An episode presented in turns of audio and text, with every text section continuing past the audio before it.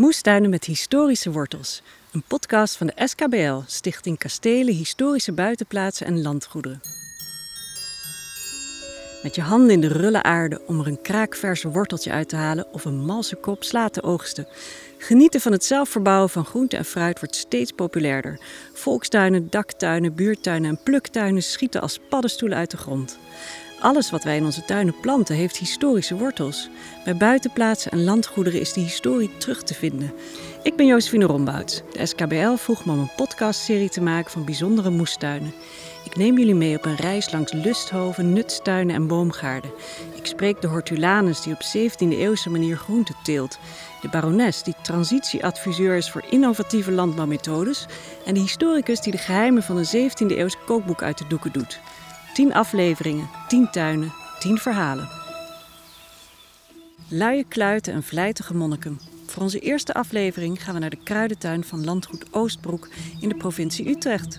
Er is veel gebeurd sinds dit een klooster was, maar de tuin die je nu kunt bezoeken ligt op dezelfde plek als 900 jaar geleden en wordt met monnikengeduld onderhouden. We staan hier op de oprijlaan en achter is de A28. Maar we lopen dus tussen de bomen door langs de beschaduwde weg. En daar zien we een klassiek landhuis. Statig. Maar het voelt nog steeds niet echt middeleeuws. We hebben hier een mooi gazon.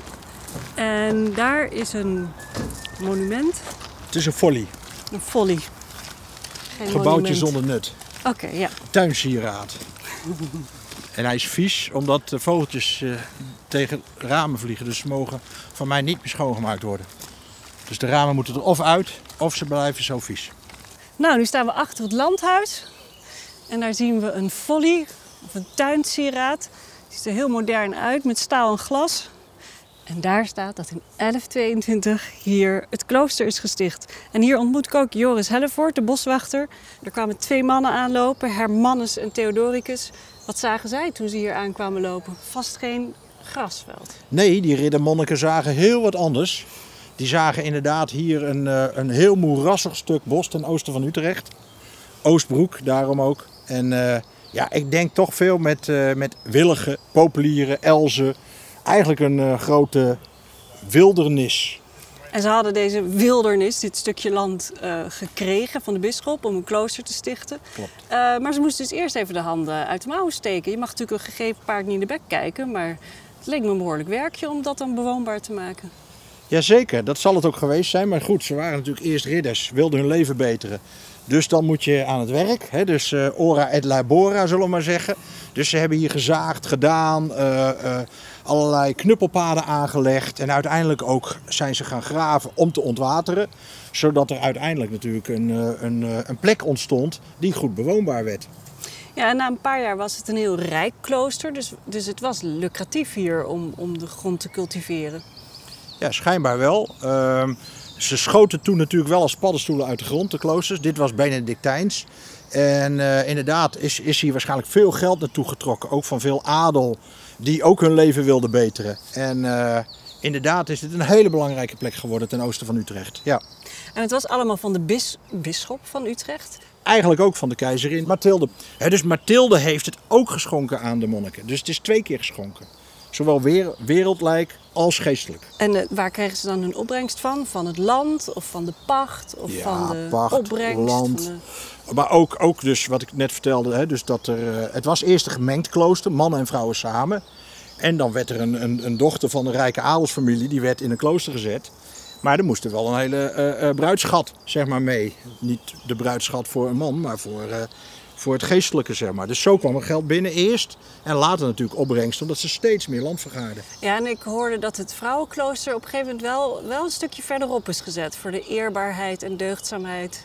Nee, de kuisheid was het. Ja. Die, die moest bewaakt worden. Dus ze zijn helemaal aan de andere kant van Utrecht geplaatst. Nou, dat valt wel mee. Ja? Het is hier, eh, nou ja, pak een beetje een kilometertje verderop. En er schijnt weer, dat verhaal, je hoort het overal, een geheime tunnel te liggen eh, waar ze toch nog stiekem heen en weer konden gaan. Ja, Ah, Oké. maar goed, eh, we zien nu geen klooster, maar een landhuis. ja. En Wat is er gebeurd ondertussen? ja, wat er in Nederland is gebeurd is de reformatie. Ja. En toen is het misgegaan, zullen we maar zeggen. En eh, toen is dit eigenlijk in verval geraakt. En uiteindelijk pas na een eeuw is het gewoon particulier verkocht. En dit is het derde huis eigenlijk na de abdij. En wat gebeurt daar nu? Daar uh, zetelt nu uh, het Utrechts landschap, uh, waar ik boswachter ben.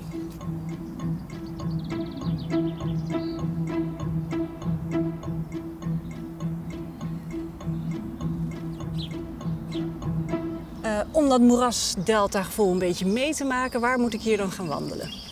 Ja, nou als je net langs die uh, kruidentuin oploopt, naar achter toe, dan uh, kom je in een prachtig mooi bos met veel dood hout. En dan op een gegeven moment, zeker in de winter, is het daar heel nat. En daar lag vroeger echt een knuppelpad, later een knuppelbrug. En daar hebben we nu een moderne variant van gemaakt, uh, van staal, zodat je er ook met een rolstoel doorheen kan. Maar dat is ja, vier seizoenen lang top. En wat is een knuppelbrug? Nou ja, het knuppelpad. Hè. Vroeger deden ze dus boompjes zagen, dan knuppeltjes neerleggen om dan in dat moeras verder te kunnen komen. En later hebben wij daar een knuppelbrug van gemaakt, zodat je over het water kon lopen als het ware. Ook wel interessant, spiritueel gezien, over het water kunnen lopen. En nu is het uh, nou ja, de stalen variant. Deze abdij heet uh, de Laurentius-abdij. Nee, hij was gewijd aan Maria natuurlijk en aan Laurentius. En in de zeep hebben we nu ook, uh, hoe heet het zitten? Uh, laurier. Oh. En Laurent, de naam Laurentius komt van laurier. Ja. En dat is de, de hoe heet het? De, kroon? De gekroonde, hè? Ja. Ja. ja. ja. Dus, uh, en dat van... Henk, de laurier hebben we toch hier vandaan of niet? Of uit, uit jullie tuin? Voor in de zeep. Ja, op, op, Laure, op Laurentiusdag. Dat is 10 augustus. Dan lanceren jullie de Laurentius. Ja, en hier bijvoorbeeld op onze potten zie je ook het rooster van Laurentius, waar die op geroosterd is. Oh. Hij is gemarteld, hè, de eerste ene kant. En toen zei hij, nou is dit alles wat jullie kunnen? Draai me nou nog maar eventjes om. Dan hebben ze hem nog een keer omgedraaid. Dus hij wordt altijd afgebeeld op een rooster. En dit is het wapen van Oostbroek. Dus alle potten hier op het landgoed hebben een rooster? Allemaal het uh, Laurentius rooster. Dat is een charmant detail. Ja, waar die op geroosterd is. Kijk. Ja, ik zie het. Als je nu op een ochtend wakker zou worden en je kwam aanlopen en opeens was je terug in de tijd van Hermannus en Theodoricus. En ze zouden verwachten dat je de handen uit de mouwen zou steken met ze. Waar zou je dan benieuwd naar zijn? Hoe ze wat aanpakten, hoe ze hier bezig waren? Waar zou je naar uitkijken? Ja, ik zou graag willen weten waar de kapel is.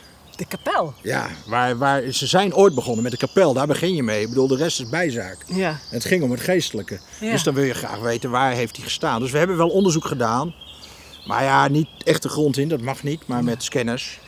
En ik heb wel vermoedens waar die gelegen kan hebben. Maar die, dat, dat, ja, hoe, hoe heeft hij eruit gezien? Er zijn geen plaatjes van. Ja. Dus hoe heeft de kerk, de kapel eruit gezien? Hoe zijn ze begonnen? Zijn ze echt met die kapel begonnen? Of hebben ze eerst een leme hutje gebouwd en daarna met die kapel. Nou ja, dat uh, ja, zou ik wel willen weten. Ja. Dat zou je willen zien. Ja. Um, de moestuin was er heel lang niet meer, maar hij is nu terug en hij staat, is weer aangelegd op de plek waar hij vroeger was.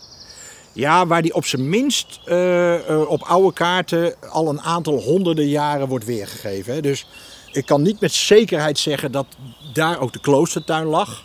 Maar die kloostertuin is er geweest, dat kan niet anders. Anders kun je niet in je onderhoud voorzien. We, we, hebben wel het vermoeden dat hij daar gelegen heeft. Maar honderden jaren al op diezelfde plek.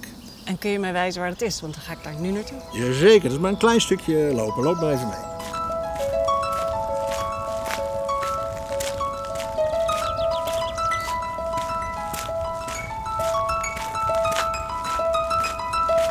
We zijn hier bij de kloostertuin, de Hortus Conclusus, de omsloten tuin.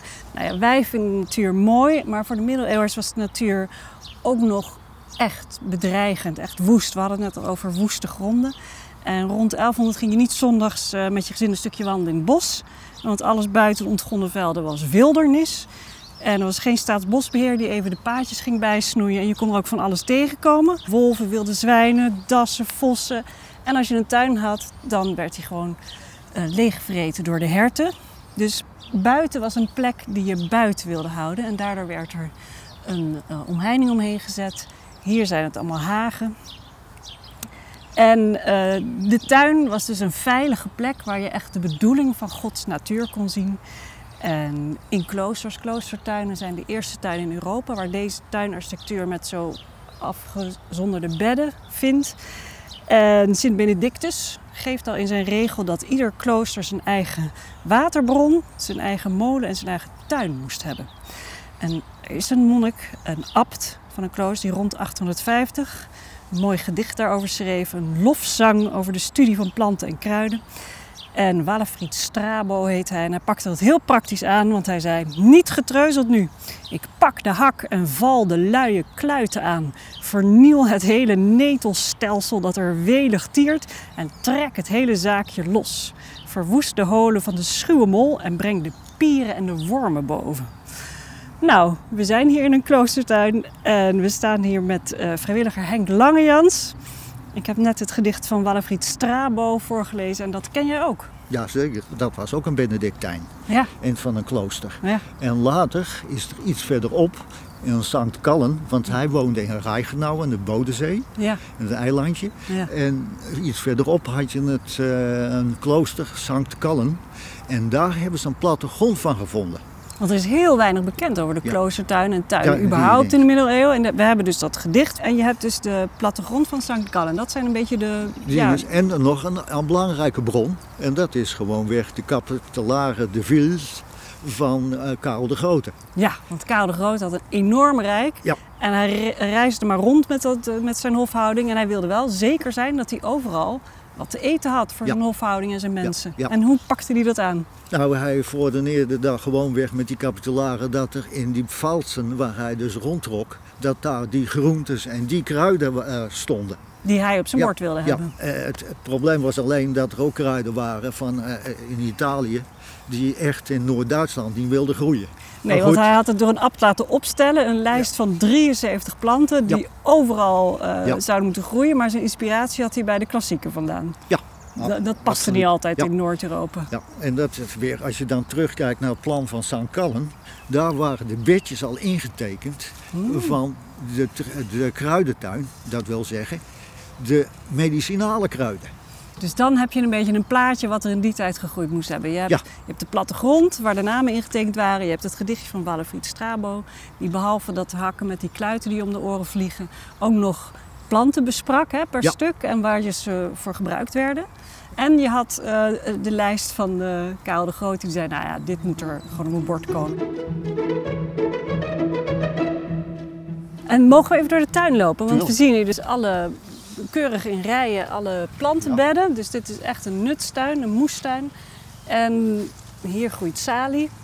En waar gebruikt ze dat voor? Weet je? Nou, die, die salie, die, die was eigenlijk voor als je op een gegeven moment wat, eh, wat zwak voelde, dan werd daar een, eh, een, een tinctuur van gemaakt. En Ja. tegenwoordig, als je eh, vet varkensvlees gebruikt Ja. en je gooit er salie doorheen, dan neutraliseer je dat vet een beetje. Ja. Nee, we hebben hier dan ook al die perken. Dit, eh, het eerste gedeelte is dus de keukenkruiden. Ja. Dan krijgen we hier de medicinale. En hier hebben we dus de geurkruiden. eh. Citroentijm, Ja, dat zijn echt waar veel geur in zit. De apothekersroos. kamille. Oh, Ja. de apothekersroos, die is Ja. prachtig. Ja, ja. Echt een diep magenta met een gouden hart. Ja, dat is, dat is echt eh, mooi. Dat zijn, En dat zijn, ruikt hij ook lekker? Want hij staat in het geur. ja, maar dit, dit zijn niet die rozen die je in je tuin hebt staan, die struikrozen niet. Dit zijn oude botanische gassen. Dat wil zeggen, er is niet aan gesleuteld. Maar hij ruikt echt heel Ja, zoet. is, eh, Wauw, hij ruikt echt naar rozenzeep. Zoals een roos eh, hoort eh, Ja, te ruiken. Ja. wat je denkt zoals Ja. een roos ruikt. Ja. Wauw, alleen maar zoet Die, roze. eh, ja.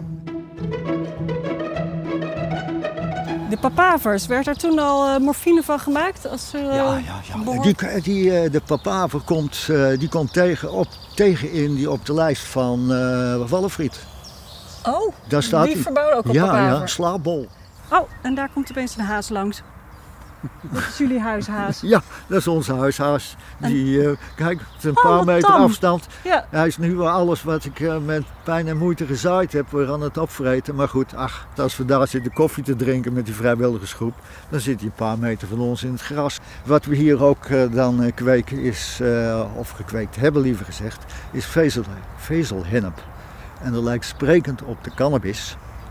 En eh, ja, als dat op een gegeven moment een bepaalde hoogte bereikt heeft, dan, eh, dan kunnen we er wel naast blijven zitten. Maar het is gegarandeerd dat ze het dan eh, de toppen afknippen en dan met, een kaal, eh, met een kale struik zitten we er dan mee. Dus, en nou heb ik begrepen, ik heb er niet verstand van, dat je alleen de vrouwtjesplant kon Ja. hebben. De mannelijke vorm, daar zit geen werkbare stof in. Eh, alleen vezelhennep, zit helemaal geen werkzame stof in, althans te verwaarlozen klein. En daar moet je onder een vrachtwagen van oproken voordat je er eh, in ieder geval iets van merkt en bespeurt.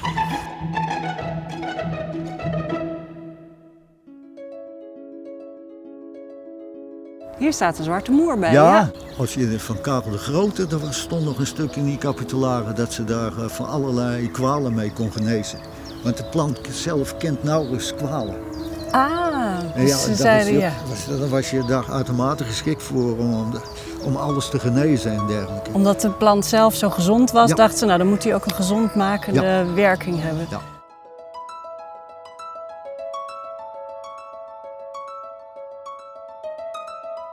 Dus deze tuin was aan de ene kant heel praktisch. Hè, ze wilden ervan eten en medicijnen maken. Maar het was ook een plaats voor contemplatie. Het was ook Ja. een devotionele plaats. Dus die hele lijst van Karel de Grote. Nou, dan denk je, hè, hij wil eh, wat te eten hebben voor zijn manschap en zijn soldaten. Maar de eerste twee planten die genoemd worden, zijn de roos en de lelie.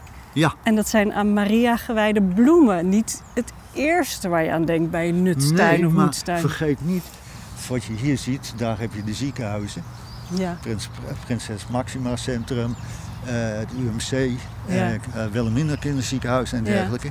Allemaal op loopafstand. Dus Nou, mensen die daar in het ziekenhuis liggen, die... Die komen hier, komen hier wandelen. En ook veel verpleging, personeel wat hier rondsjouwt. Het is echt, er zijn hier dagen, dan is het echt heel druk. Dit is de achtertuin van het ziekenhuis. Ja. En vroeger geloofden de monniken daar ook in, hè? dat eh, het tuinieren zelf, maar ook het eh, voor hun, ja, eh, ze hadden een, een ziekenhuis, ook voor hun patiënten om in de natuur te zijn en vooral in rust en schoonheid, dat dat goed voor je was. Ja. Dat het goed voor je Met, ziel is. En ook Ja. de mensen die hier in het hospitaal werken, die komen hier in hun pauzes. die En dat is komen in ook de hun pauze. tuin. We hebben eh, de, de tijd in de beginperiode, toen ze aan het verbouwen waren in het Wilhelmina Kinderziekenhuis, ook nog wel eens gehad. Dat hier eh, kinderen, eh, de laatste keer, dat is alweer een jaar of twee geleden, een, een heel jong baby, van, van nou, nog een half jaar oud, die had een stofwisselingsziekte. Ja. En dat was dat niet. En dat kindje, dat, die ouders wilden niet dat het in het ziekenhuis daar het kwam te overlijden. Maar die wilden dat in een eh, wat mooiere omgeving doen. Ja. En die op een gegeven moment verschenen die hier met eh, een arts erbij, verplegers en dergelijke. En die zijn hier op het bankje daar eh, gaan zitten. En zo van, nou hadden een heleboel vrijwilligers er heel moeilijk mee. Er zijn er een aantal naar huis gegaan, wat zit van eh dinges. Maar van anderen die zeiden van, ja nou oké, als we, daar doen we het voor. En die ouders zijn hier op het bankje gaan zitten en het kindje is hier, Hier, hier overleden. Ja, Ja. dat soort dingen. En In dat- deze rust tussen deze bloemen. Ja.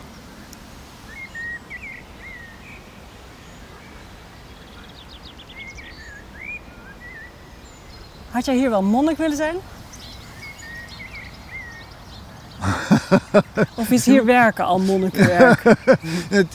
Die monniken hadden er eigenlijk maar geen tijd voor om te werken in de tuin. Oh. Want Wallenfried roept dat allemaal wel. Ja. Maar eh, als je ziet, eh, de regel van Benedictus. eh, en dit was streng, hè, deze orde. ja. Die dingen, of die daar of nog tijd voor hadden om in de tuin te werken. Die, Die moesten ja, heel veel bidden. die moesten heel veel binnen. ja, die maar dat geeft ook niet. Want er was ook eh, op die uithoven Ja. zaten veel al geen maar lekenbroeders. Misschien dat ik lekenbroeder zou willen worden. Lekenbroeder. Nou, eh, de Lodewijk van Bois, de abt uit Zuid-Nederland, die schrijft op een gegeven moment over de tuin en wat die kan betekenen voor eh, monniken en mensen die de tuinen bezoeken. Mogen de schoonheid van de bloemen en andere creaturen het hart leiden tot liefde en verwondering van de schepping. Mogen de schoonheid van de tuin je herinneren aan de pracht van het paradijs. Volgens mij doet dat het hier wel. Ja, absoluut. We nemen afscheid van de rust van de kloostertuin van Oostbroek en volgende week bezoeken we de Hof van Schaarsberg in Limburg. Een moestuin die niet zozeer beschermd moest worden tegen brandnetels en wilde dieren, maar rovers en legers.